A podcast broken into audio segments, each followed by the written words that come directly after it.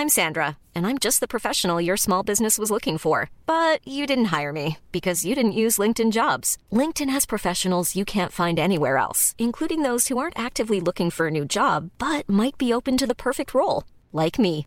In a given month, over 70% of LinkedIn users don't visit other leading job sites. So if you're not looking on LinkedIn, you'll miss out on great candidates like Sandra. Start hiring professionals like a professional. Post your free job on linkedin.com/people today. Burrow is a furniture company known for timeless design and thoughtful construction and free shipping, and that extends to their outdoor collection.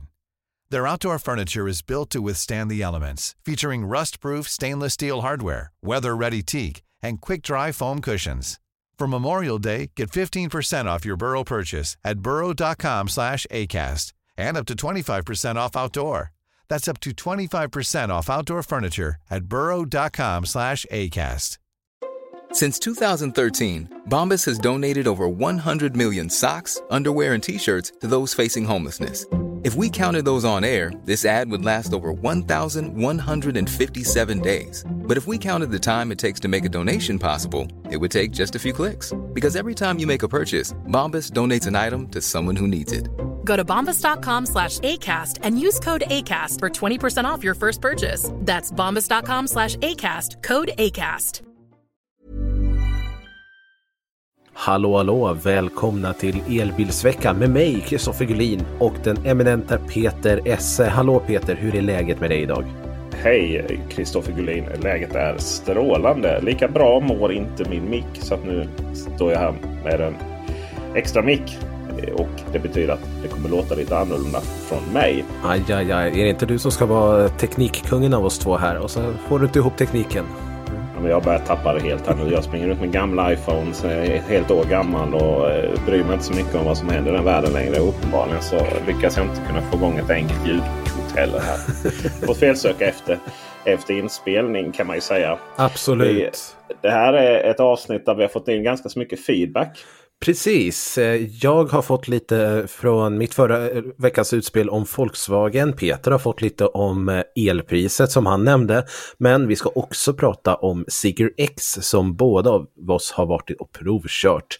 Även eh, Polestar 2 har du provkört och dessutom så har Q3 tagit slut och därmed så har vi lite siffror och statistik till er. Men om vi börjar med mitt eh, om Volkswagen då.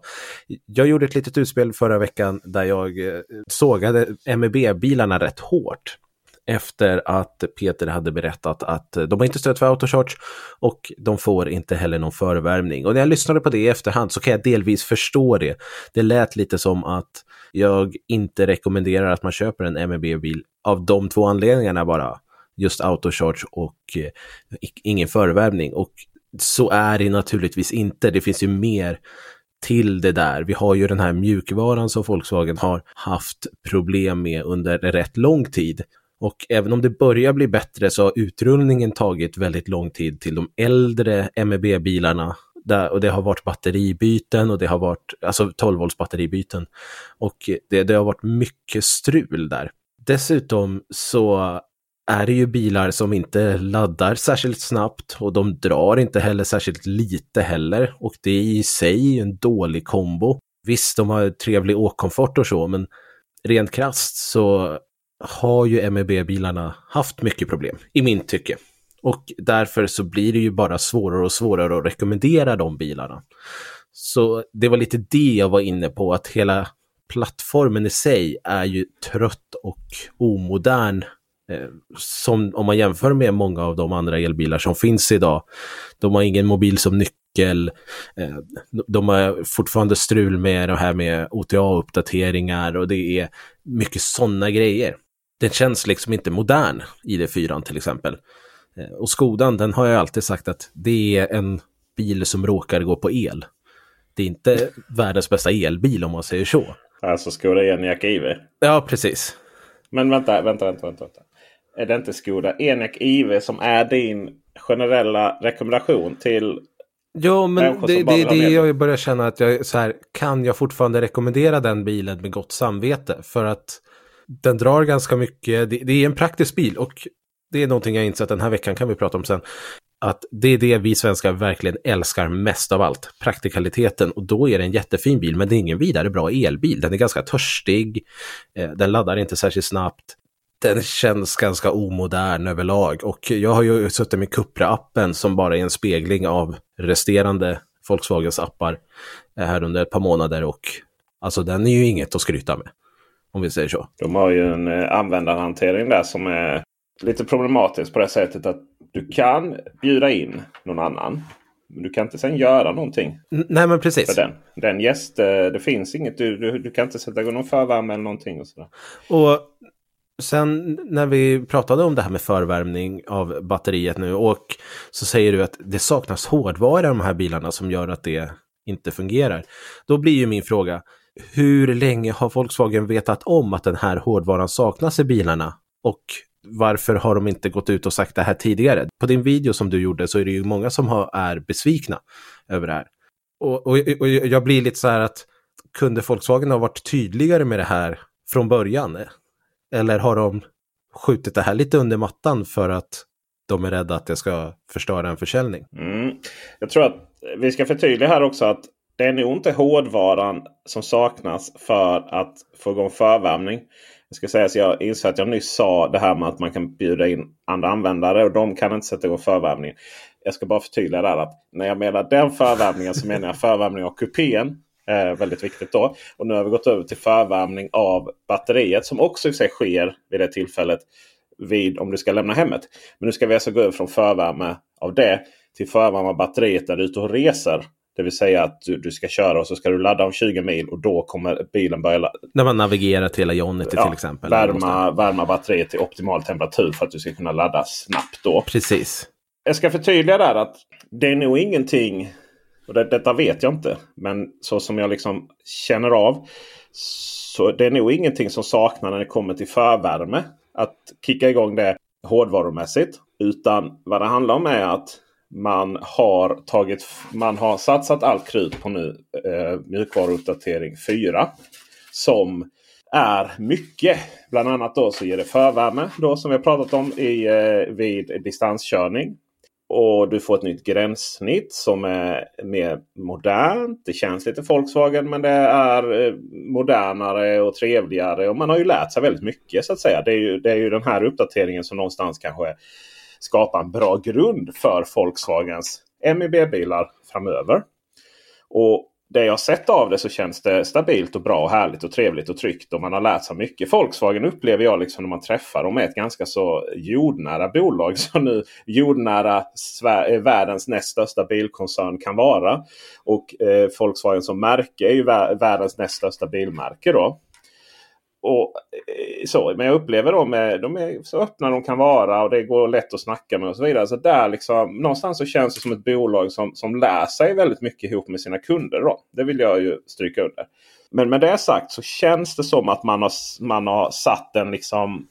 Okej, okay, nu ska vi inte lägga mer krut på de gamla mjukvaran här. Vi ska se, se till så det fungerar på de bilarna. Utan vi lägger allt krut på 4.0. I 4.0 så lägger vi då också att vi, vi, vi skapar då så att bilarna får förvärme av batteriet. Sen så har man också tagit ett principbeslut, verkar det som, att vi ska bara utveckla 4.0 till bilar med ny hårdvara. Så att det, det, det är som en triangel där. Det, det, är inte den nya hårdvaran som krävs för förvärmning. Men 4.0 krävs för förvärmning. Och 4.0 kräver den nya hårdvaran den här som man hänvisar då till nya krav ifrån eh, den här samarbetsorganisationen. Som, som sätter eh, vilka krav på bilar vi ska ha i allt från lyktor till annat i Europa och stora delar av världen. Och Man kommer till och med döpa de här bilarna till så här Eneco. Det kommer att stå inom parentes känns det som. För de har gjort det till en grej då att, att det här är nya krav och våra nya bilar med ny hårdvara har det kravet. Och det är dessa bilar som får 4.0. Så absolut, folk blir strandade. kanske bokstavligt ibland.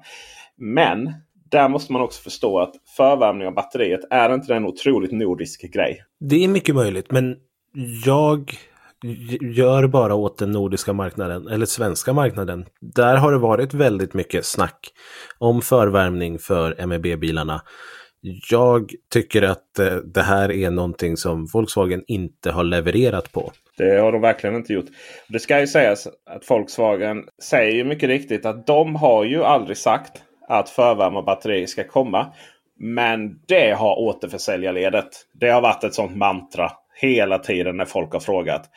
Allt det, det måste man kunna erkänna och det måste man kunna kanske utbilda sitt återförsäljarnät bättre då det har hela tiden hetat att allt, alla klagomål som har kommit på de här bilarna vid, eh, både innan och efter införsäljning har det hetat att ja, men detta kommer i en upp, framtida uppdatering. Inklusive förvärmen av batteriet. Särskilt förvärmen av batteriet har hetat detta kommer i en framtida uppdatering. Det kan man inte sticka under stolen med. För det har det hetat hela tiden överallt. Precis. Så i min bok så har Volkswagen-koncernen väldigt mycket att bevisa med de här nya motorerna och den nya mjukvaran som kommer 2024. Och det lilla jag har sett av mjukvaran så ser det också bra ut. Men det enda jag har sett av det är i en stillastående bil. Jag har inte kört en bil med mjukvaran, jag har inte sett en färdig version av mjukvaran. Så det jag har idag kan jag inte säga att det här kommer bli en succé jag behöver testa det och det ser jag fram emot att göra med ID7 och ID4 85 och gud vet allt vad de kommer att heta. Ja. Min största kritik här, eh, det, jag delar den, det här med en viss otydlighet. Någonstans så är det så här, varför har vi årsmodeller helt plötsligt? För Det känns som att förändringarna sker i mitten av årsmodellerna ändå. Så att ID4 2024 som tillverkas Ja, nu vet jag inte för jag har inte fått svaret från vilken vecka det här eh, ändras. Det kan ju vara här nu innan det här avsnittet kommit ut. Nej, då kommer det stå så här att ja, men bilar som, eh, bilar som är ID4 och årsmodell 2024 kommer ha den här funktionen. då. Sen kommer det stå så här jättelitet från vecka X. då liksom. Herregud, om vi ska ha årsmodeller så kan vi väl hålla oss till förändringarna på årsmodellsbasis? Eller? Det känns som att vi behöver... Tesla har ju aldrig jobbat det här med årsmodeller. Vi behöver nog kanske hitta på något annat där. Jag vet inte. I techvärlden ja. så har ju revision A, B och C varit väldigt populärt. Mm. Vi kanske ska ha ID4 ja. revision B här. Konsumentteknikvärlden är ett orgie av tydlighet i jämförelse med bilvärlden. Och vi ska faktiskt fortsätta med detta. För jag har nämligen en feedbackfråga till dig, Kristoffer Gullin, ifrån mig. Som, som jag kom på här nu, som jag har haft i mina, mitt bakhuvud att ha, fråga dig. Oj då. Okay. Om jag har missuppfattat någonting. För nu ska vi in på Volvo. Åh, oh, vad trevligt. På tal om otydlighet så har ju Volvo eh, till stor del haft en viss utmaning när det kommer till att sätta upp sina sidor för Volvo EX30 och vad som ingår i de olika paketen. Det kan man väl minst sagt säga. Vi redde ju ut här för några avsnitt sedan var vi egentligen fick eh, körassistansen. Det vill säga den här som, som jag menar är körassistent. Det vill säga Pilot Assist. Det vill säga att den håller sig på en inom samma fil. Inte att blanda ihop med Lane Assist som korrigerar bilen om vi så skulle köra ut över en eh, streckad linje eller en linje överhuvudtaget. Så, och det har de fortfarande inte uppdaterat sidan med. När vi sen fick bekräftelse att ja, men det är plus och vad heter den? Ultimat? Nej, Ultra. Heter Ultra. Väl Jag säger Ultimate för att det hette, den, ja, det hette XC40 i början. Eller något Ultimat. Ja. Ultra, uh, Ultras, inte det sådana uh, väldigt, väldigt speciella fotbollsanhängare? Förut. Jag kan ju inte den världen. Kristoffer uh, Gullin, då ska vi se om det är jag eller du som har missuppfattat någonting. Om jag vill ha 22 kilowatt laddning av någon outgrundlig anledning på min Volvo EX30. Vilken version ska jag då köpa? Plus eller above? Eller högre skulle jag säga. Eller är det batt tillhör det... Oh. Det här känns som en kuggfråga. Eller no, är tillhör det utrustningsnivån eller tillhör det batteriet? Det är egentligen det jag undrar. Jag tror att det tillhör utrustningsnivån. Så ja. att du ska ha plus. Det, det, är rätt och fel, eh, Kristoffer. Jag har dubbelkollat detta. Det tillhör utrustningsnivån men det är bara Ultra. Jaha. Och, och det är de visserligen tydliga med. Men i det som jag har fått för mig att du har berättat för mig. Och det som jag har sen googlat på detta och läst då när de introducerades. Det verkar vara konsensus för i alla fall svensk del och svenska journalister att Volvo EX30 har 22 kW AC-laddning på det stora batteriet. Det, det jag har sagt är att värmepumpen ingår med stora batteriet. Det, har du sagt att värmepumpen ingår Ja, med stora batteriet? AC-laddningen har jag trott tillhör utrustningen som sagt. Utrustning. Okej, okej. Eh, Ja, att, men då, eh, eh, då, jag då, vill- jag vill försvara ingen, ingen, då ska nej precis, nej, gud nej det bör man aldrig, aldrig göra. Det kan ju vara jag som egentligen kan lyssna också. Men om, vi, om man googlar lite snabbt på detta så, så får vi då eh, ganska så eh, råder det konsensus över att det ingår i för svensk, eh, för svensk eh, del då eh, artiklar så, så ser det ut som att det ingår i det stora batteriet. Då. Det hade inte varit helt orimligt heller att det var en grej som hade med batterin att göra. Eh, visserligen så klarar ju alla batterier 11 eller 22 kilowatt. Det har ju egentligen ingenting med, med det att göra. Utan det är ju naturligtvis eh, ska vi se, likriktaren. Inverten. Så eh, du menar att uh, laddhastighet inte har något med batteriet att göra? Vi pratade om Nio förra veckan. Eh, ja, precis. AC-laddning. Ja, det är Ja. sant ja. ja Okej då. Ja, I och med att alla batterier klarar ju förhoppningsvis högre effekt än så. Då.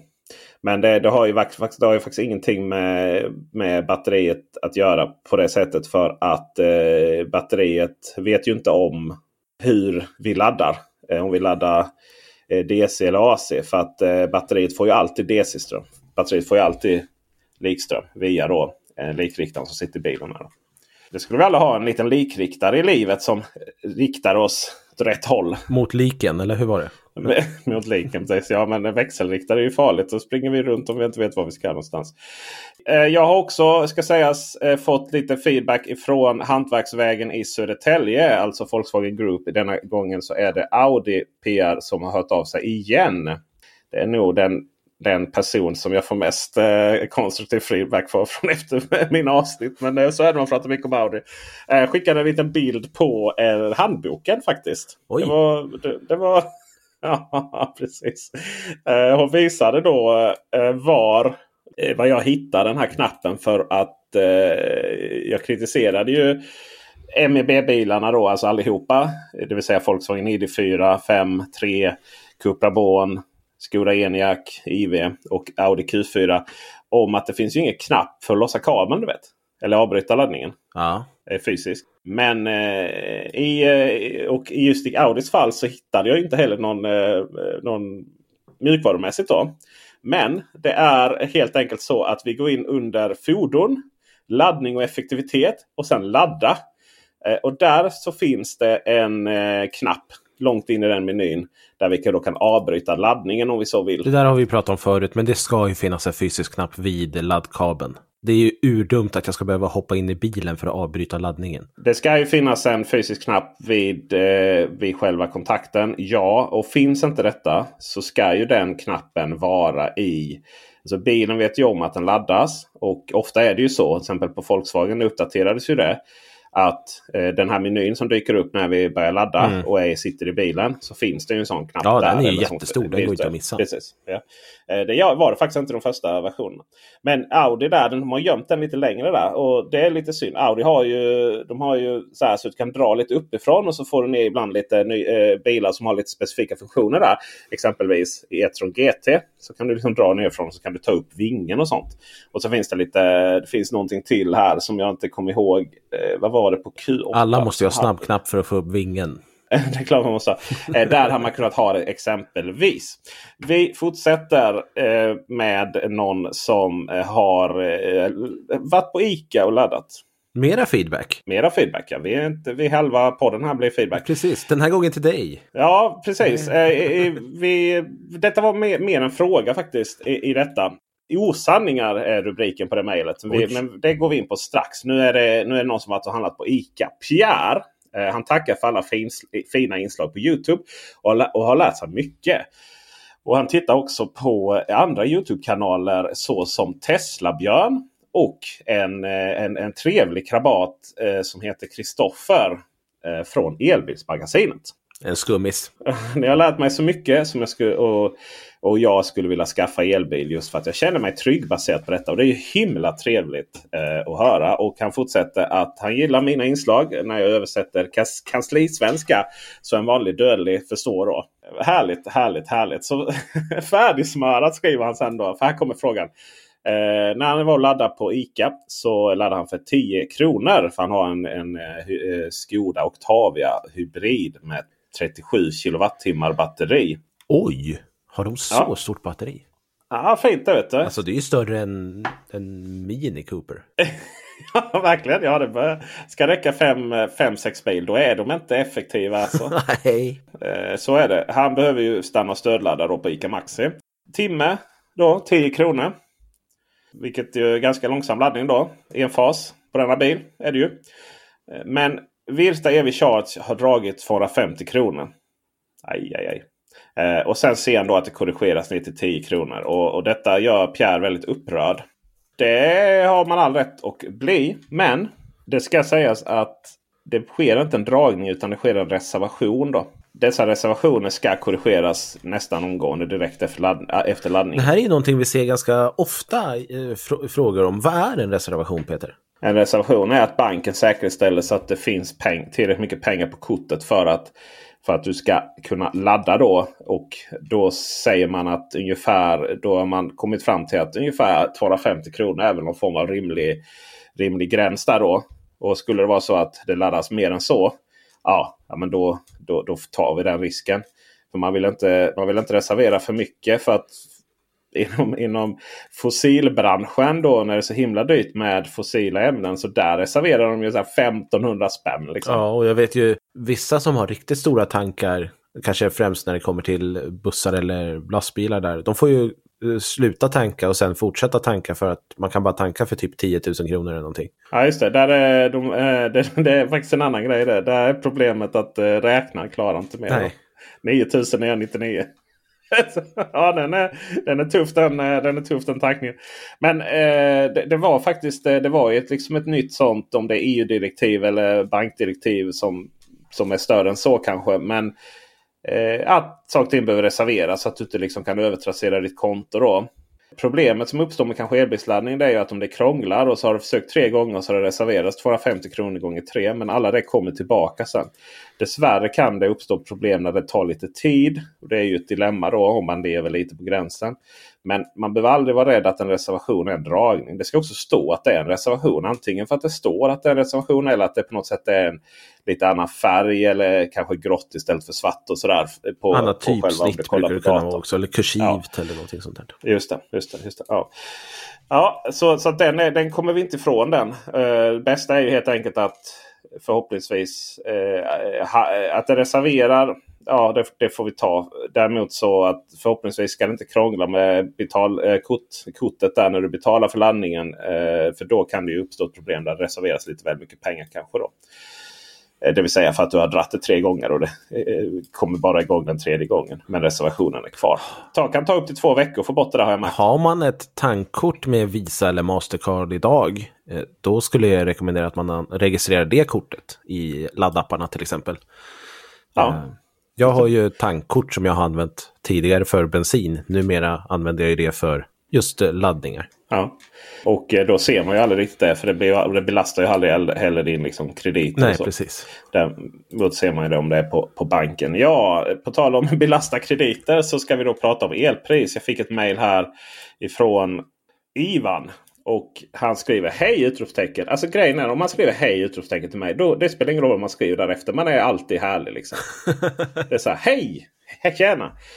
Eh, men rubriken var då osän, osanningar kring elpris. Eh, och eh, jag, han skriver jag skulle vilja att ni ny, nyanserar er vad det gäller vad det kostar att ladda bilen hemma. Ni och många med er påstår ibland att ni kan ladda bilen för enstaka ören per kilowattimme. Det kan vara bra att påminna om att man som slutkund inte bara betalar spotpris på elen utan det tillkommer en väldigt massa avgifter i form av nätavgifter, energiskatt, moms, elcertifikat etc.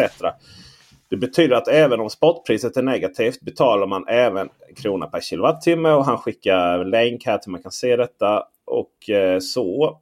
Det är jämförelse med dessa priser eh, man ska titta på vad snabb, snabbladdning kostar. Då. Jag tycker det är rena fantasier att man kan ladda för några ören hemma vid.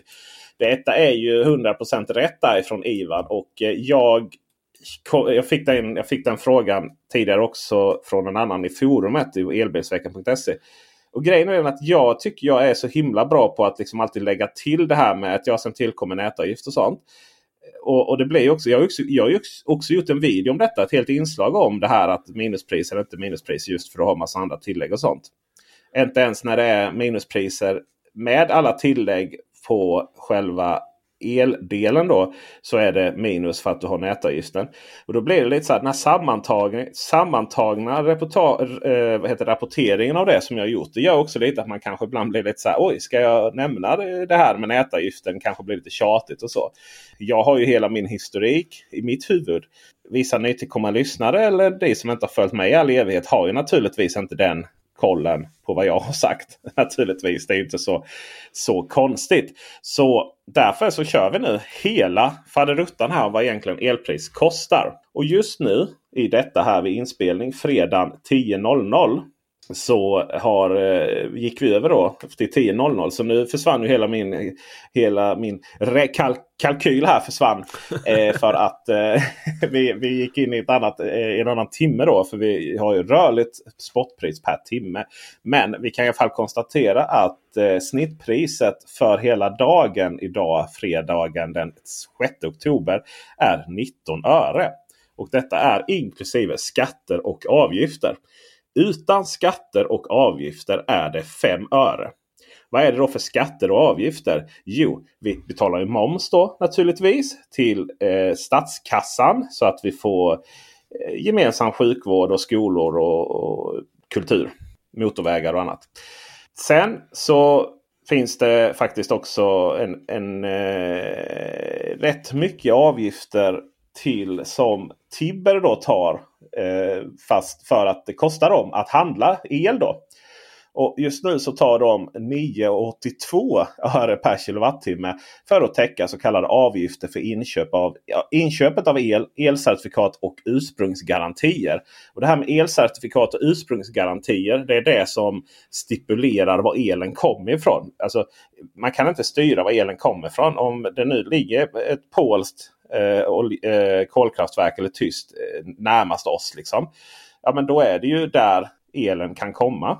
Även om då vi faktiskt så att säga bara köper el som går på eh, vatten, vind eller kärnkraft. Och Då är det de här så kallade elcertifikaten och ursprungsgarantier som, som är handeln runt detta. Och I och med att vi har då betalat eh, för att vi bara ska ha vatten, vind, kärnkraft. Så är det det då vi får rent ekonomiskt. Så därför så finns det en sån handel runt detta och detta kostar ju då för att, för att stödja, stödja den, de typerna av kraftslag. Eh, men i alla fall 19 öre då inklusive skatter och avgifter är det som vi betalar till vårt elbolag här. Men sen så vill ju också nätägaren ha pengar. Ja, det är klart, alla ska, alla ska få äta. Även tyska E.ON då. Som jag har här i Malmö. E.ONs nät i södra Sverige. Jag tror typ det är det dyraste i hela landet.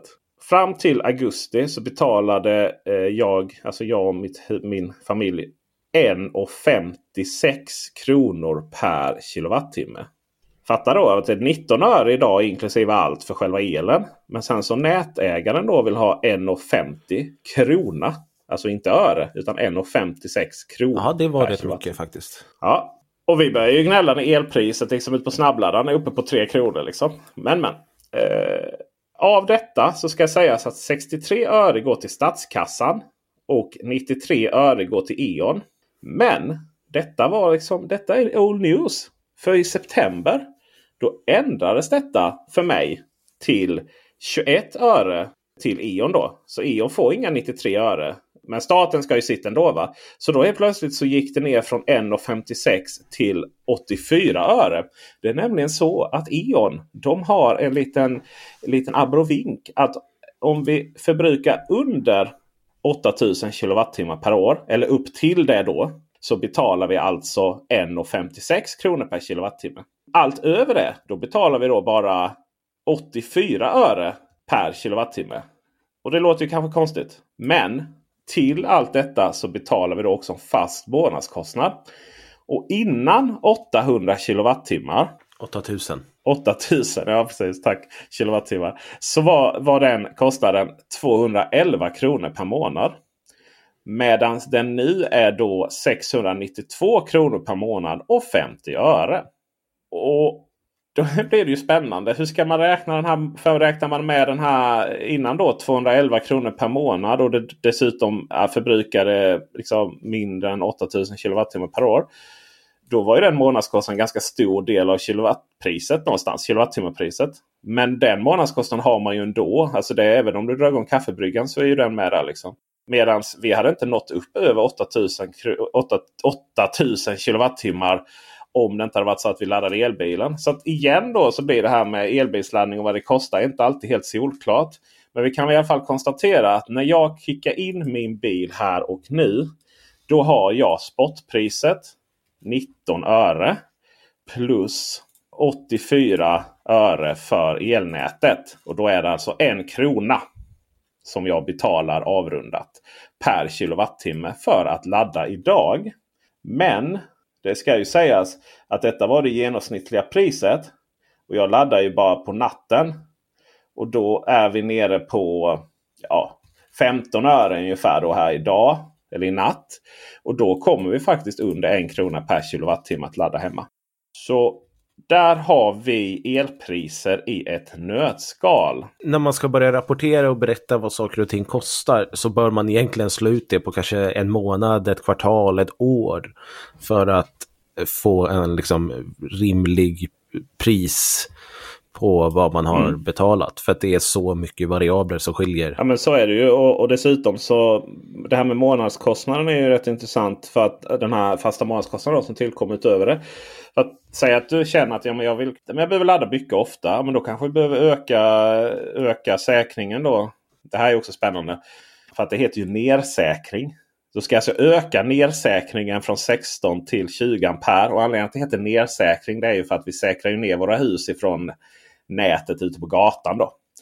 Eh, men säg att vi då ökar den från 16 till 20 ampere. Och då helt plötsligt så är vi uppe i 887 kronor i månadskostnad hos E.ON. Medan 35 ampere det är, då, det är för de som har eh, eh, bergvärme och de har pool och lite sådana saker. Och så laddar de två bilar också. Eh, då helt plötsligt så är 35 ampere säkring. Det är de som om, om du vill kunna ladda 22 kilowatt AC-laddning hemma på din nya Volvo EX30. Då så måste du ha 35 ampere och, då, och du kan inte ha poolen igång samtidigt. Då är det 1610 kronor per månad. Men det är det ju värt för att ladda bilen på tre timmar istället för sex timmar.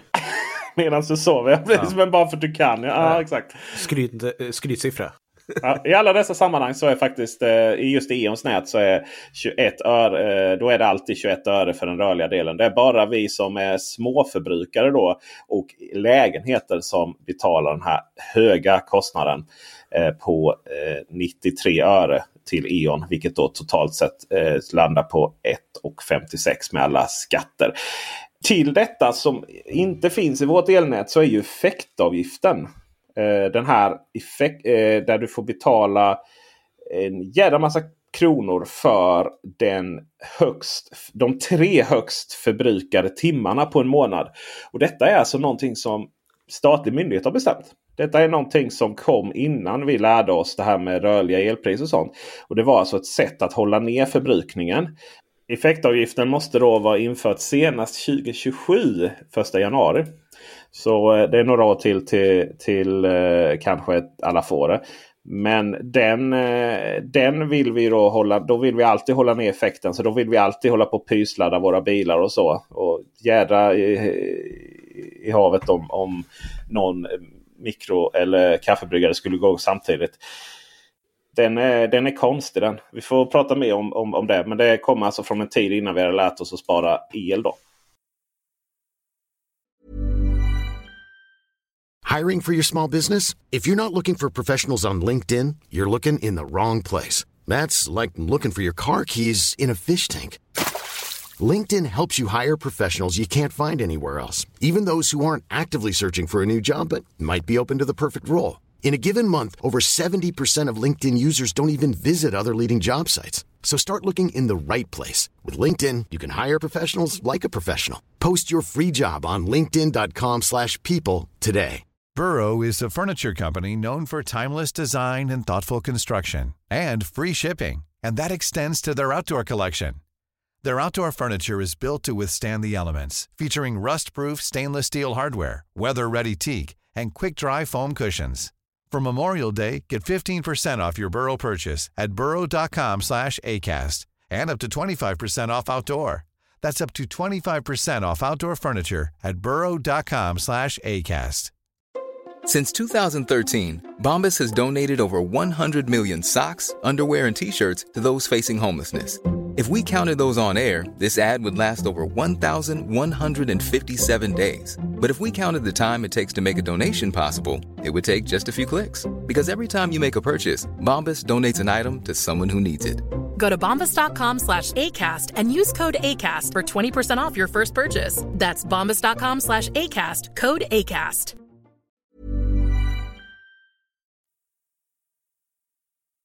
Kristoffer Gullin, det här med marknadspåverkan är någonting som både du och jag har gjort. För det måste ju varit våra två Model Y som gjorde att Tesla numera är Sveriges mest sålda elbil. Med tanke på att jag inte ens äger min så absolut. ja, men det är ingen som äger sina bilar. Det, det är DNB Finans som äger min bil tror jag. Se där, se där. Ja, det är antagligen någon bank som äger den här bilen också. Eh, Ja. Det är en hyrbil, eller ja, en långtidsbil så som jag ska ha i tre månader här nu. Hämtade i måndag som sagt. Sprillans ny var den. Jag fick till och med dra av plasten från skärmen. Ja, vad härligt. Fantastiskt härligt. Det är många nya elbilar eh, som eh, har kommit på marknaden och väldigt många är Model Y. Det ska sägas att det skiljer då från och med sista september 2023 så blev då Tesla Model Y Sveriges mest sålda elbil. Eller antal registrerade då. Och det skiljer alltså 178 bilar jämfört med Volkswagen ID4 som numera då är tvåa. Det ska sägas att Kia Niro är trea. Ja. ingenting annat. Eh, också... ID4 har ju Wow. varit på toppen i typ två år. Niron var ju eh, innan dess liksom. Men eh, nu har äntligen, eh, eller äntligen, men alltså med tanke på hur mycket säljsuccé Tesla haft med Model Y så nu har de också blivit den vanligaste bilen i Sverige. Men idag, nu fredag, när vi, när vi spelar in det här så har de precis höjt priset på den. 15 000. 575 000 kostar den nu. Där har du nog en kanske, kanske, kanske en valutajustering. För de sänkte ju priserna i USA ju. Eller så påverkar det inte överhuvudtaget. Utan man bara gör ju olika marknadsbedömningar. Att eh, det har sålt så många i Sverige så nu kan de minsann betala lite Ja, det är extra. mycket möjligt. Jag vet inte.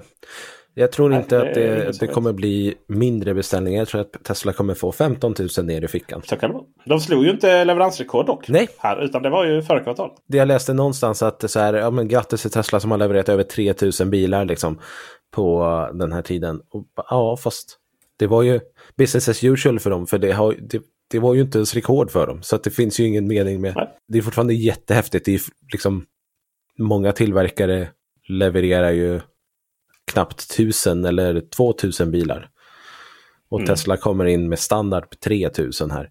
Men det, vi, vi blir fler bilar, elbilar i Sverige utan tvekan. Mm. Vi har nu nått över 300 000 elbilar i Sverige. Wow. Det är någon form av milstolpe ändå. Det är det ju. Av detta så var det faktiskt MG lyckas eh, ha- stå, i sig, stå, stå i sig starkt. Då. Eh, för att eh, om vi kollar på de kinesiska uppstickarna eh, som försöker få iväg premiumbilar i form av Xpeng och Nio. Är det väl framförallt va? Ja. Och även på småbilsområdet så försöker ju Ora positionera sig som en liten bil som är förhållandevis lyxig då. För sin lilla storlek kanske. I alla fall om vi kollar på priset. Där lyckas man inte få iväg några bilar och Xpeng har väl inte kanske faktiskt börjat leverera sina bilar. Nio har ju försökt sälja bilar ett tag. Och, ja, några hundra för Nio liksom. N- när jag var på eventet här för ET5 Touring så berättade de ju också att de ska komma med eh, finansiell, operationell och privatleasingpriser här nu i samband med ET5 Touring. Ja. Eh, och jag tror ju att det kommer ju sätta fart på marknaden lite. För dem. Det är, ju- det är ju otroligt dyra bilar de här de har i dagsläget. ET7 och EL7 är ju väldigt dyra bilar. ET5 är ju inte De har ju bara sin subscription som är svindyr. Ja. Priserna de visade oss var preliminära men de var inte helt uppåt väggarna. Nej. Så att eh, vi, de skulle väl komma ut med det under oktober förhoppningsvis med färdiga priser. Men som sagt, Xpeng har väl inte börjat leverera. Aura har ju eh, ganska bra prissättning på sin privatleasing, men det verkar inte som att någon vet om det.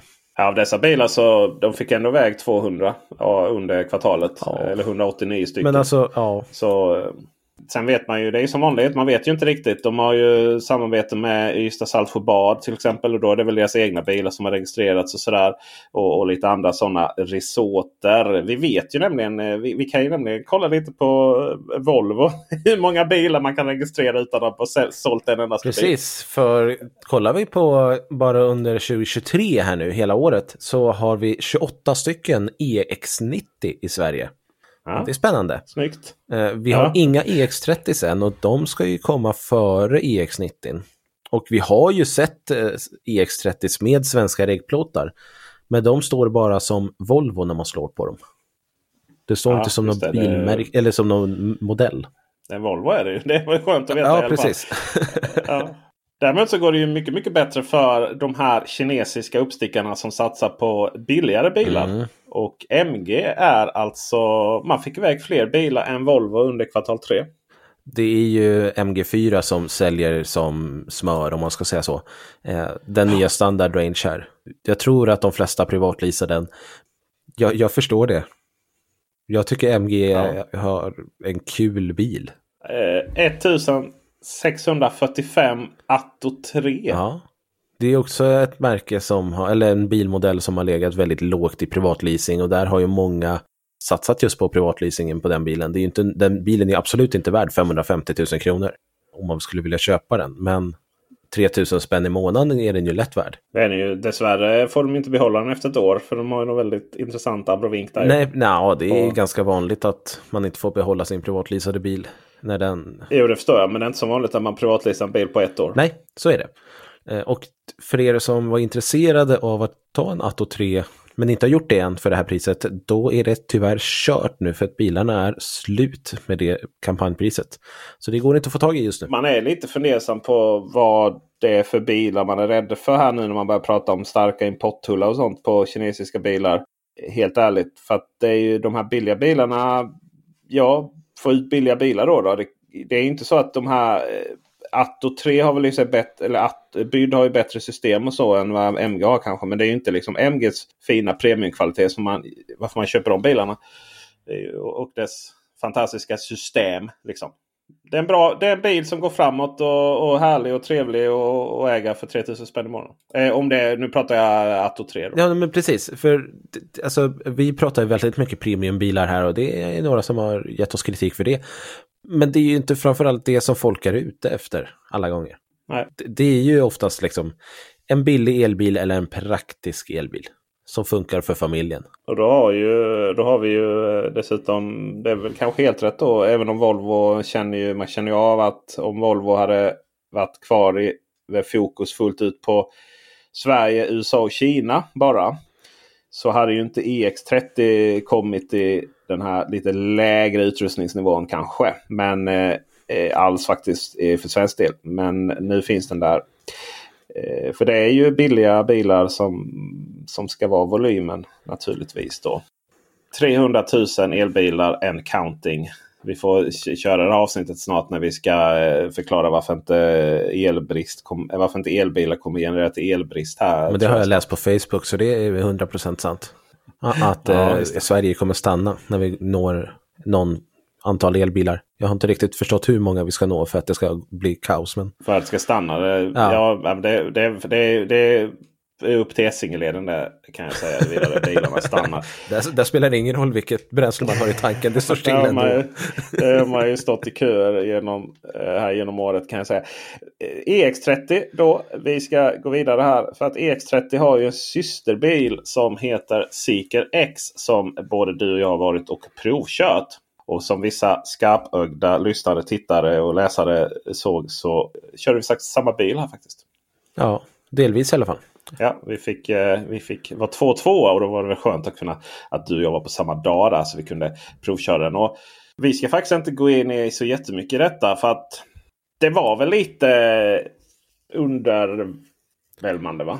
Alltså jag vart inte alls exalterad för den här bilen. Varken interiörsmässigt eller mjukvarumässigt eller körmässigt.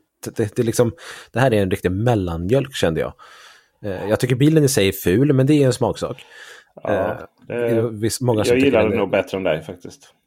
Ja, precis. Många tycker att den eh, tycker annorlunda och det är helt okej. Men ja, alltså kollar man andra bilar för runt 550 000 kronor så visst den här har sin plats och den här skulle jag ju rekommendera framför en eh, BYD Atto 3 eller kanske en Kia Niro EV. Jag vet, de har ju för sig sänkt priset på den bilen nu så jag vet inte riktigt hur den ligger till. Men den här känns som ett väldigt safe eh, kort från Seekers sida.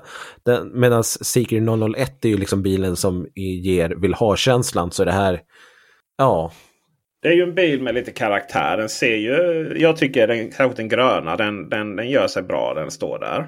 Så. Den har ju en intressant längd för den är hyfsat kort. Ändå så är den ju ganska bred mellan hjulhusen.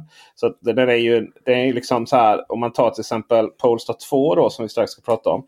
Som definierar sig som en D-bil. Och så har vi ju Seeker X då som någonstans är längdmässigt som en B-bil då men vill vara en C-bil. För att man menar eh, i, i, eh, på insidan så är man eh, så har man liksom så brett mellan hjulhusen så att det är så mycket plats där.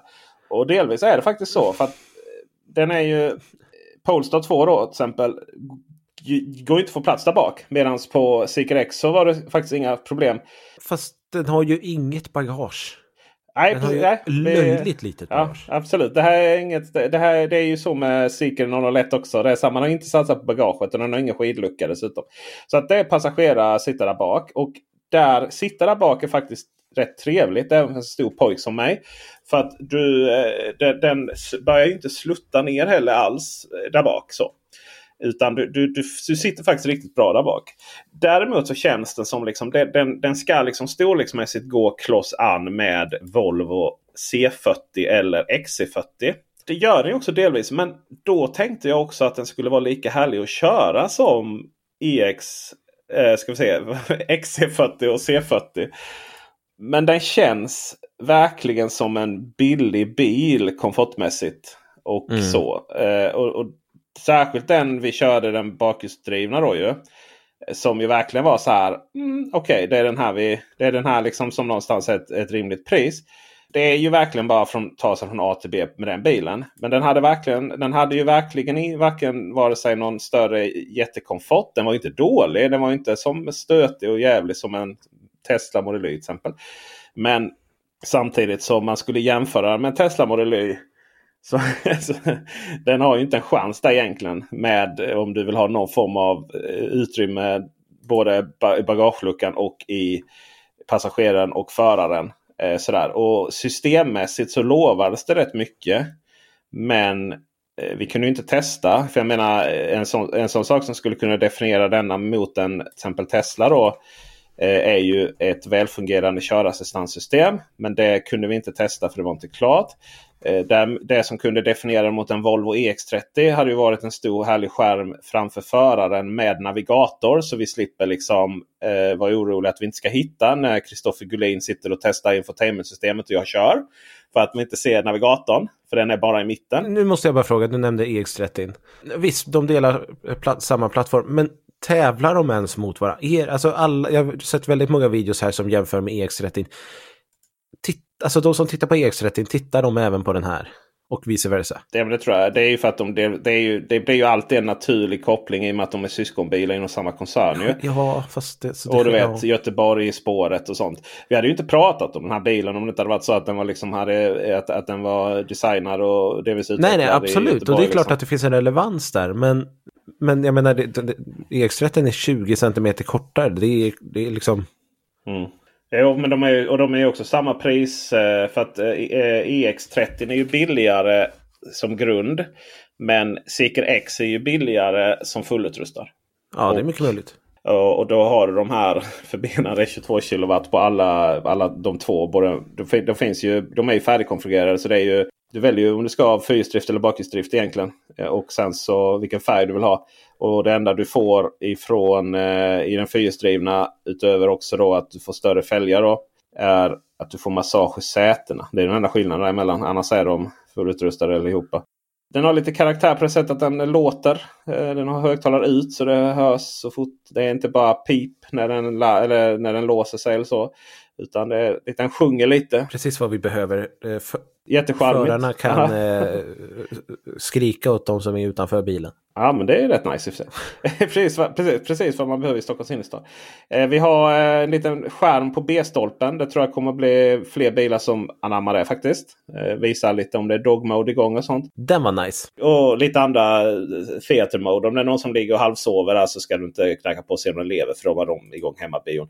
Men eh, framförallt så är det ju Seeker X är ju liksom det här märket som vill vara som Tesla när det kommer till att vi har våra showroom men vi säljer bara på nätet. Vi har färdiga konfigurationer. Du kan inte välja så mycket. Man kan jämföra dem med olika bilmärken på flera sätt. Liksom. Dels så har du ju hela Tesla-spåret då. Och eh, där så är ju om du bara vill ha utrymme och, och sådär så är ju Model X eller Model Y förlåt, så himla mycket mer värt. Eh, men du kan ju också jämföra med Volvo då i och med att eh, koncernsyskon. Och då är det kanske upp till utseendet. Vill man ha en Volvo eller vill man inte ha en Volvo egentligen? Och, och sådär. Eh, baksätet är ju naturligtvis bättre då.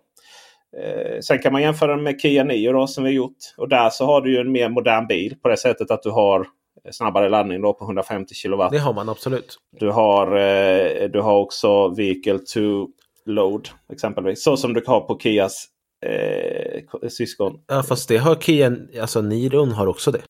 Eh, jag hittade Kia Niro nu för 476 000 fullutrustad. Jag skulle köpa den alla dagar i veckan framför Seeker X. Se där ja, eh, då kanske det slutar med utseendet då. Eh, och, helt och, enkelt. Och rent krasst. Om vi säger så här, Seeker X 550 000 kronor. För 100 000 kronor till så får du Seeker 001. Som fakt ja, det är ju dess värsta Det är ju liksom en större bil, både i bagage och eh, liksom baksäte och förarsäte. Det är en snyggare bil, det är en bättre bil på alla sätt och vis.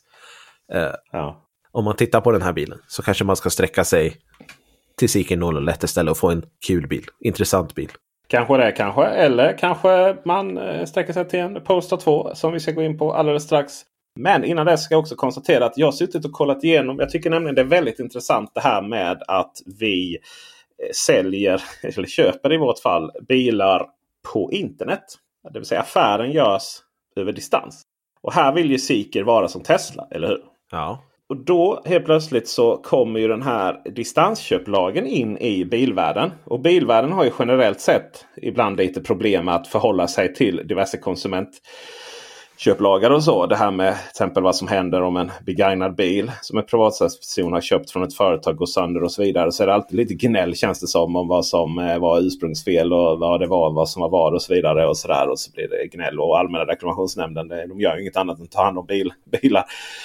Men distansköplagen stipulerar ju att du har ju rätt att bara lämna tillbaka din produkt inom 14 dagar. Eller hur? Det stämmer. Och dessutom om du inte blir informerad om det så har du rätt att lämna tillbaka den mycket längre än så.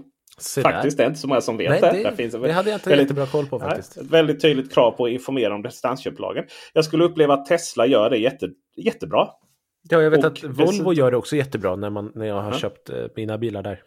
Precis. Och eh, eh, de har ju ett flöde för det där och hantera det där. Eh, Tesla. Det är ju därför vi har lagerbilar. Det är folk som har antingen ångrat sitt köp eller lämnat tillbaka det. Eller, eller av andra anledningar finns de där. Eh, så det finns en process för detta. Jag har suttit och gått, läst igenom Seekers, eh, Seekers eh, sån här eh, avtal. De här, det man ska förhålla sig till. Och där, eh, de, av det jag kan läsa mig till så är de inte så glada i att man ens avbeställer sin bil innan den ens har kommit. Utan då det blir lite straff på det. Okej. Och, eh, så så där, eh, har jag, där har jag faktiskt lite, jag ska grotta mig nästa vecka. Ställa lite frågor åt Seeker och så vidare. här. Så att, eh, ta det jag sa nu med en nypa salt. Så. Men av allt att döma så har man inte riktigt anpassat sina villkor till svensk konsumentköplag. Eller europeisk är det ju säkerligen också. Det känns ju som någonting, det känns ju som bara slarv. För jag menar vi har ju Lincoln Co som säljer på internet, vi har Volvo som säljer på internet, vi har Polestar som säljer på internet. Jag menar, det är bara att ta copy-paste från någon av dem tänker jag. Helt 100% säker på att det här kommer lösa sig. Jag bara tycker det är intressant. Det visar prioriteringen kanske.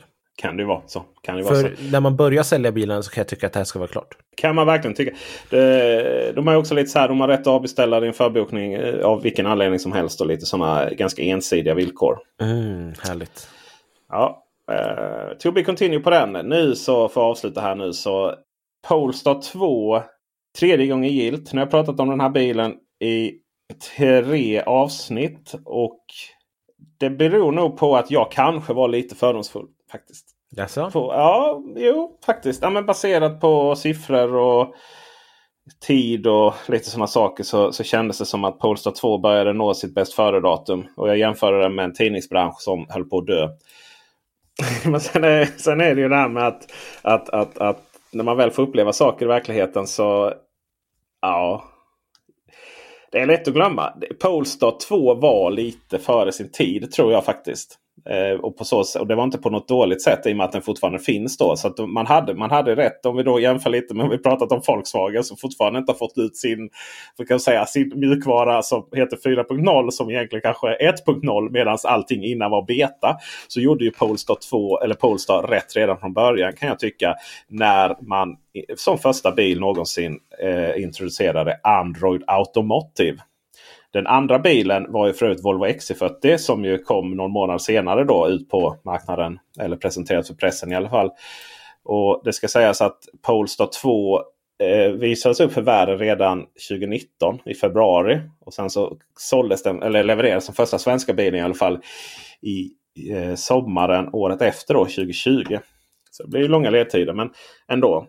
Det är ju ett liksom ett, som jag varit inne på innan, ett system som andas elbil. Vi har våra mobila nycklar så vi slipper förhålla oss till den här fruktansvärda nyckel. Jag kan ju säga en sak med att köra Model Y här nu, eller Tesla generellt sett. Det är ju att det här med nycklar och förhålla sig till det. Det har ju blivit väldigt gammalt väldigt snabbt. Och här så, inte riktigt från början, men ganska tidigt så kom Polestar 2 med just så kallad Mobile Key. Då jag vet inte om, om det är något fel på mig, men jag har så oerhört svårt. Det är nog någon, någon form av eh, eh ADD-diagnos och, och, att saker och ting ska vara rätt och sådär. Så, så man, så man eh, liksom mållåser på saker. Men jag har så himla svårt för den här fossilmetaforen med startknappar. Liksom.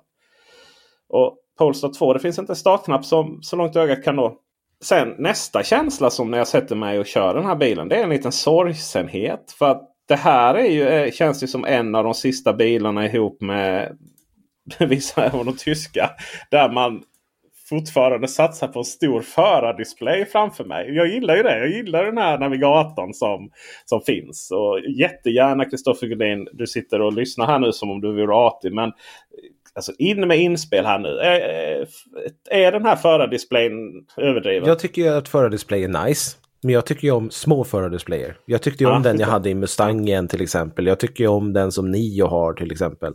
Jag tycker ju att Audi och Polestar och Volvo de, de skulle lätt kunna minska ner. I nya EX90 så är det ju en liten fördisplay till exempel. Den visar det man behöver och sen är det inte så mycket mer nice. Ja, det är ju det här att du har ju inte navigatorn i de små. Hade du, hade du det i Mustangen eller hade du bara en pil som visar? Liksom? Nej, jag hade en pil.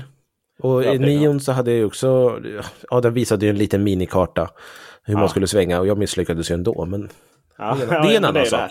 Ge mig en stor navigator framför mig.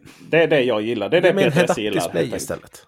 Ja, ja, det är för fasen. Eh, Mercedes har heads up display som är detaljerad och ibland ser det ut som ett spindelnät som ligger där. För det ja, men den, den, är ju faktiskt inte bra tycker jag. Jag tycker att Volkswagen har den bästa head up displayen. De har gjort det riktigt bra tycker jag. Alright, alright, alright. Ja. ja, det var lite oväntat med tanke på din stämpel på Kristoffer. Jag, säger att el, jag säger att de inte har gjort bra elbilar. Jag säger inte att de inte har gjort bra någonting. heads nej, precis. nej, men eh, någon heads up display eh, bryr inte jag mig personligen om där. Så då, det, kom, det är väldigt sällan det kommer med i mina recensioner kan jag säga. Förutom om jag stör mig på den. Eh, Polestar 2 har då en väldigt stor förardisplay med en stor härlig tydlig Google Maps framför mig. Och det är bara så rätt för Peter Esse. Och den har ju den här väldigt cementerade cockpitkänslan. Och jag tycker ju att det ska vara en ganska upphöjning mellan förar och passagerarsätet.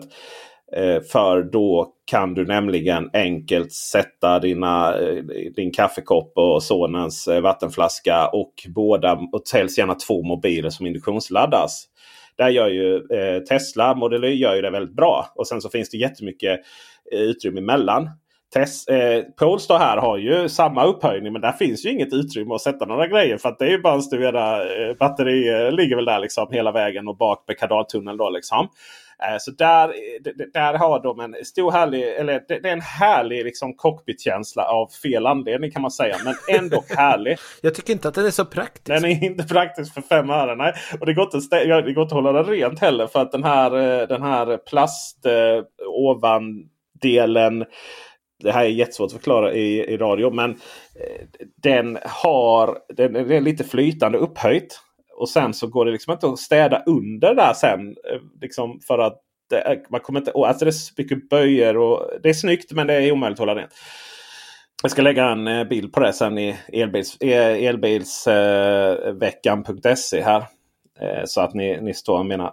men, men, men vakter. Men den har bara en mugghållare. Så den en mugghållare bak i om vi lyfter den här utrymmet som är mellan. Äh, det där är så wow. Jag eh, åker ju oftast själv men jag använder ju båda mugghållarna. Ja, du gör det. Ja, ja, ja. Man, man en varm dryck och så har man en kall dryck. Ja. Du kan inte liksom ha, du kan inte liksom ha till, du kan inte ha för stort kaffe. Jag provar, jag kör ju Circle Case Gigant eh, latte då när jag, som middag eller som lunch med det. Och den är ju för stor den. Du kan inte ha den på den bakre där för då kan du inte stänga liksom locket och, ha, och hålla eh, armen på den. Men alltså Polestar 2 tycker jag har bättre interiör än Polestar 3. Polestar 3 den här som delar den med Volvo EX90 alltså mitten där mellan passagerare och förare. Det känns bara billig och det känns liksom som man inte riktigt vet vad man skulle gjort med den och så. Eh, så tyvärr. Polestar 2, riktigt nice. Sen så har vi det faktumet att uppdateringen av de här nya bilarna Åsmodell 2024 blir det va? De är ju lite större än vad man kan tro faktiskt. För att Dels har vi det här med att sätta igen grillen då. Och det ser ju modernare ut. Även om gamla Polestar 2 är ju mer ikoniskt då ju, med grillen öppen. Men att göra den bakhjulsdriven istället för framhjulsdriven. Det förändrar bilen i grunden. Det är så nice. När det kommer till den tvåhjulsdrivna bilen. På vilket sätt märker du av det? Nej men den, den är ju så, den är den är så stabil bara. Liksom. Och det bara, det bara hände grejer. Medan det kändes som att eh, den här framhjulsdrivna då som, som kom för Polestar 2 var ju, fanns ju bara som fyrhjulsdriven i början då var snordyr. Och sen, sen kom ju den här tvåhjulsdrivna. Alltså den slänger ju. man kör ut lite väl snabbt ifrån, eh, från en, uh, ut, eller heter det, från en kosting. Så är det nästan som man är orolig om baken kommer följa med. Liksom. Men eh, här så har vi en, en, en härlig stabil körning från den, från den bakhjulsdrivna. Och det är ju också den som är otroligt prisvärd. Då. Priset är ju äntligen rätt. Eh, jag ska faktiskt backa också. Du, du, har ju lite mer kraft på den här bilen då eh, numera. Eh, med den nya motorn och sådär. Så att, eh, det är klart det också ställer till det. Och det positiva. Sen är ju det här priset är ju äntligen rätt. Priset kan inte vara billigare. Eh, och se, om, om man ska handla en bil som ska ha lite utrymme där bak och så, så är priset helt fel. För då ska du inte ha den här bilen överhuvudtaget. Då. Men priset för den här bilen som passar en, en, en någon som vill ha lite trevligare, roligare bil med fokus på föraren. Det, det är ju alltid konstigt där prissättningen på Polestar. För att grundpriset 609 000 är ju förhållandevis vettigt. Men då hade vi problemet att vi var tvungna att lägga till då både pilotpaketet och pluspaketet för att överhuvudtaget få en bil som, som är värd att äga. För att utan pilotpaketet så hade du inte eh, adaptiv farthållare eller pilot assist överhuvudtaget. Det, det, så kan vi inte ha det. Eh, till det så får du också eh, adaptivt helljus. Då, de här pixel LED-strålkastarna. Som ju är trev, en trevlig upplevelse att använda i mörker. Men det är inte det viktiga. Utan det viktiga var ju adaptiv cruise control. Och det kostar ju ändå liksom 35 papp att lägga till det. Och då är plötsligt så vart ju bilen fortfarande helt okej. Okay. Men sen så är det ju det här att för att ha en ganska för att inte liksom ha en klaustrofobisk upplevelse så behövde vi panoramataket på den här bilen som är riktigt, riktigt trevligt. Och den här touchen och ha den här Polestar-loggan som lyser upp där. Den är också trevlig. Och så, så fick du ju, får ju jättemycket då med eh, det här pluspaketet. Har Macardon, eh, alltså bättre ljud. Vi har trevligare klädsel. Du har det här mörka Ash Deco-inlägget. Vi har utökad kupébelysning så det lyser lite LED särligt överallt. Snyggt. Vi har värmepump. Hej Sverige! Eh, eh helt eljusterbara framsäten. Vi har eluppvärmning av ratt, ba, eh, ratt baksäte och munstycken eh, för vindrutetorkarna. Då. Eh, vi har HEPA-filter. Vi har det där vi får vår digitala nyckel. Vi har elmanövrerad baklucka. Och det är klart att det är någonting vi måste ha då. Och då blev ju priset lite väl högt kanske. Men, men, men, men. Numera så ingår pilotpaketet. Och inte bara det. Vi kan välja vilken färg vi vill. Det ingår i priset. Ingår det i alla versioner? Ja, det gör ju inte det. För att om vi köper den här standard single range för 560 000 så ingår då ingenting extra eh, alls. Utan då får vi betala då får vi, får vi betala för pilotpaketet och vi får betala för våra färger. Och Då blir det lite så här. om vi väljer long range single motor med 82 kWh stort batteri. Så kostar då bilen med en nice färg med alla, alla paket vi behöver. Då kostar den 659 000. Om vi väljer standard range single motor med då samma färg, pilotpaket och allting. Då kostar den 654 000. Så, så de, vill, vill verkligen inte sälja någon standard range single motor? De vill inte sälja någon. Det är bara för att få ner från, från priset? Ja, och, och standard range single motor eh, dessutom eh, har den lite mindre effekt eller vad det är. För den har eh, det är 0 till 100 på 6,4 sekunder på standard range medan det är på 6,2 sekunder på eh, long range. Då. Så den här standard racing motor den är ju inte särskilt prisvärd. Det är ju samma sak med Volvo eh, C40 för övrigt. De eh, säljer ju eh, eh long range C40 där för billigare pris för då än, för, eh, än, än den som är med mindre batteri. Så jag vet inte vad det är de har förhandlat. De kanske har svårt att få, få till eh, det lilla batteriet. Eller Alltså mängden ja. tänker jag. Eh, det kanske är fler ja. som vill ha long range eh. Så att de tjänar på Ja, någonting är det ju. Eh, helt klart. Sådär. Och nej, men du vet. Sing, om du köper en. och det är ju. Det, det, vi kan ju jämföra Polestar 2 med Volvo C40. Och jag, för, för mig handlar ju det, det. Vilken man ska köpa där. Det handlar ju bara om design. Men visst, det handlar kanske också delvis om pris. För att, eller rätt mycket om pris inser jag nu faktiskt. För att C40 om vi ska jämföra med den. Det är alltså XC40 men där de har tagit en, eh, en såg och tagit, sågat bak, bak bagageluckan. En ganska opopulär bil i Sverige. Ungefär 2000 bilar versus. Eh, XC40 som har eh, dryga 6000 bilar under Jättefin 2023. Bil. Jättefin bil. Särskilt för, det är, ingen, det är alla andra som har tagit smak helt enkelt. Särskilt Core-modellen på C40 då. 500 78 000. Det är jättemycket pengar. Att jämföra med eh, long range single motor på Polestar med, med det som jag behöver. Som kostar då 660 000. Alltså det är ju fasen runt 80 000 kronor skillnad. För då får vi nämligen på Core, den här minsta modellen. Vi får ju panoramatak. Vi får ju Pilot Assist här ju. Och eh, då är det så här. Single Motor Extended Range. Då är det ingår där alltså det större batteriet. Single motor då, om vi skulle nedgradera motorn, då är det 21 000 extra. Ja, och det kommer det ingen göra. Världens konstigaste prissättning. Och C40 har ju två mugghållare så att där, min röst faller ju på den. Det, just det. Sen har ju den, men där har vi ju den här eh, igensatt nyckelhål och sånt som ser bara konstigt det ut. Det stör Deras, mig eh, mindre än vad det stör dig. Ja, eh, deras, det mig enormt mycket. Eh, men ännu kanske mer är att deras eh, system, liksom hur det ser ut och så, är ju mer fossilkänsla. Det är eh, det svårt att hitta saker och svårt att se saker på Och när det kommer nya funktioner så verkar Polestar få det mycket, alltså ibland mycket, ja. långt tidigare än vad Volvo får. Jo ja, nu, har vi ju, nu, nu kom det faktiskt samtidigt. Eh, Amazon Prime Video till båda bilarna. Men Youtube fick ju Polestar eh, tidigare. Och webbläsaren var väl långt tidigare mm. i Polestar. Ja. Sen är ju Youtube på Polestar ju det är en ganska tafflig historia i och med att dels så har du problem med att skärmen är stående. då. Det kommer ju alltid vara det. Men sen är det ju det är bara en Mobile Wrapper av Eller det var en wrapper av mobila YouTube. Jag hörde av någon berätta en gång att eh, finns det YouTube i bilen, det är ett tydligt tecken på mognad eh, och att det är en bra elbil eller något sånt. Eh, är det någon som har sagt, jag kommer inte riktigt ihåg vem det var, jag tror att han det var inte på så P och alls- på eter. Just det, det var ju för övrigt inte alls så jag sa. Det var ju det att eh, klart det ska vara YouTube i bilen. Man, så man kan sitta och, och titta på det istället för Du sa eh, att YouTube var var, visade det- på mognad. Så att man kan sitta och titta på det istället för sonens fotbollsmatch en regnig jädra höstdag. Liksom. Eh, Det är klart att det ska vara Youtube i bilen och Polestar har väl kommit halvvägs då.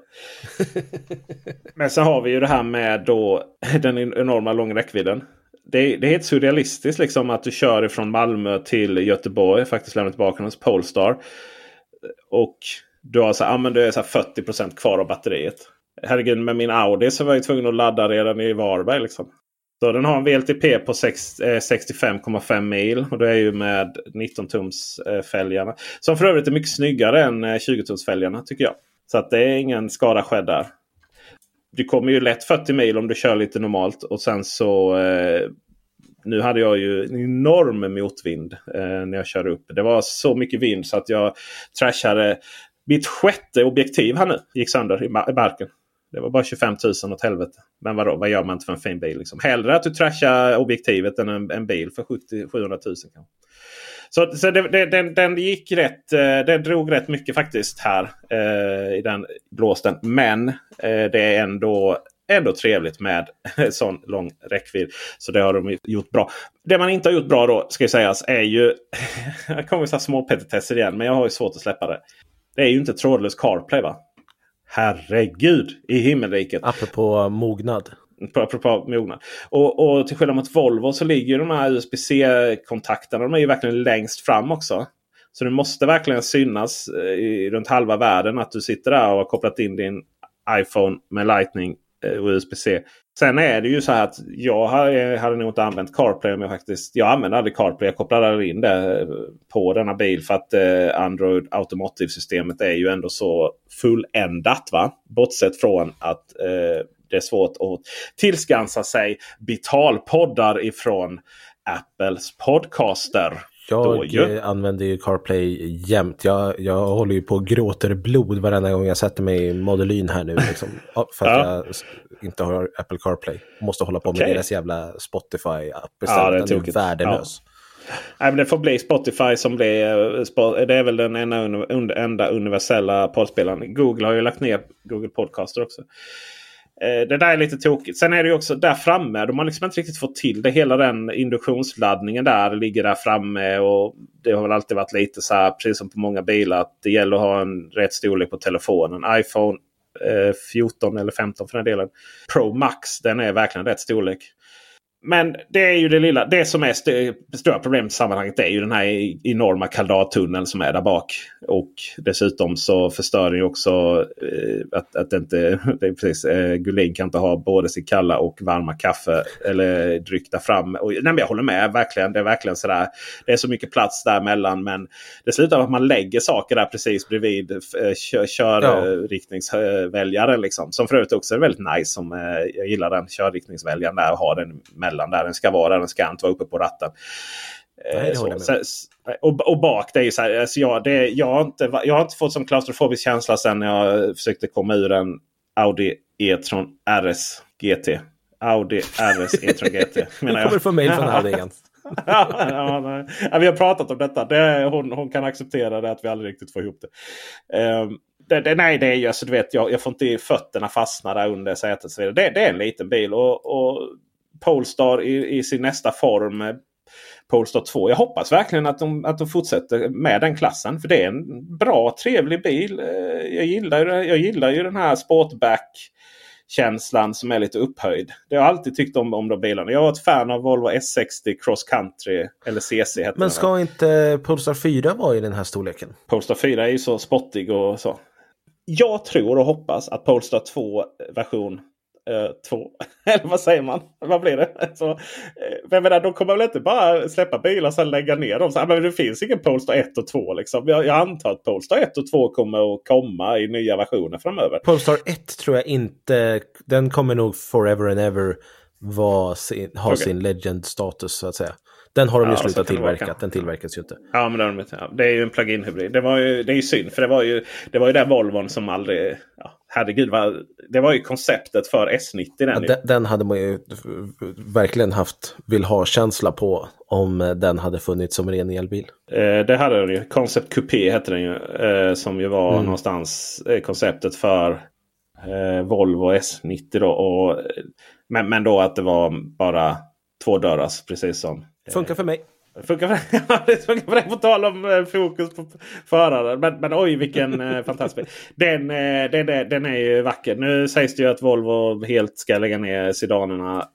Och, alltså, ja. Men Polestar 2 på den lilla SCA-plattformen. Alltså en systerbil till EX30 och Seeker X och smart hashtag massvis med nummer 1 och 3. Va?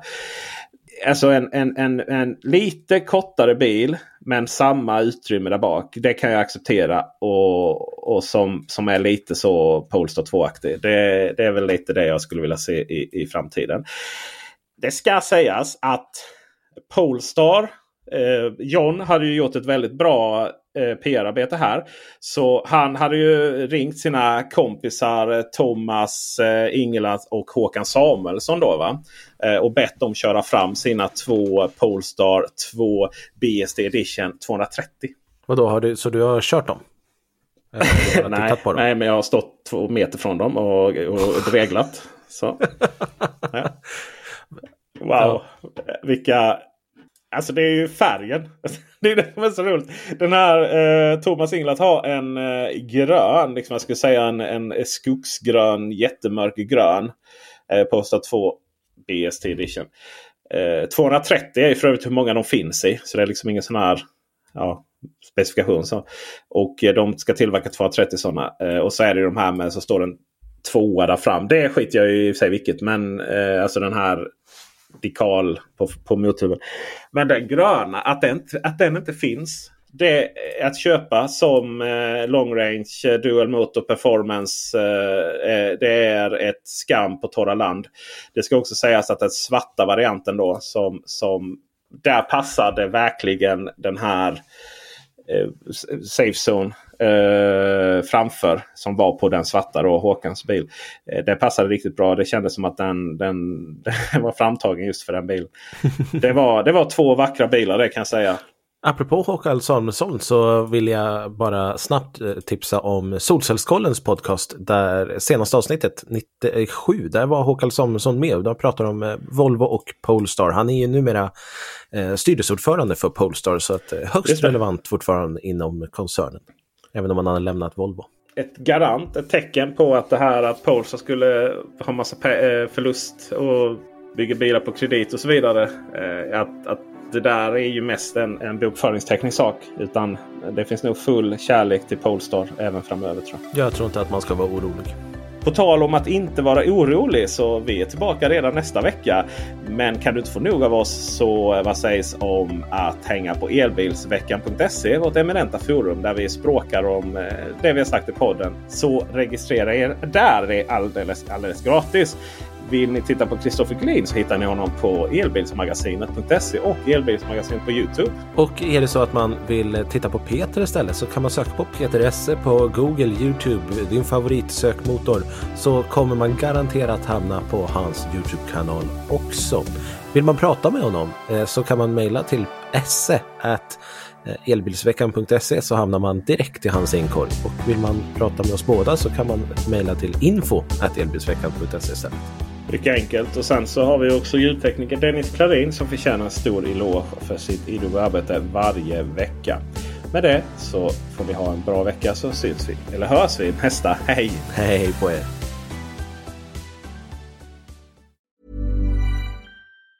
Even on a budget, quality is non-negotiable. That's why Quince is the place to score high-end essentials at 50 to 80% less than similar brands. Get your hands on buttery soft cashmere sweaters from just 60 bucks, Italian leather jackets, and so much more.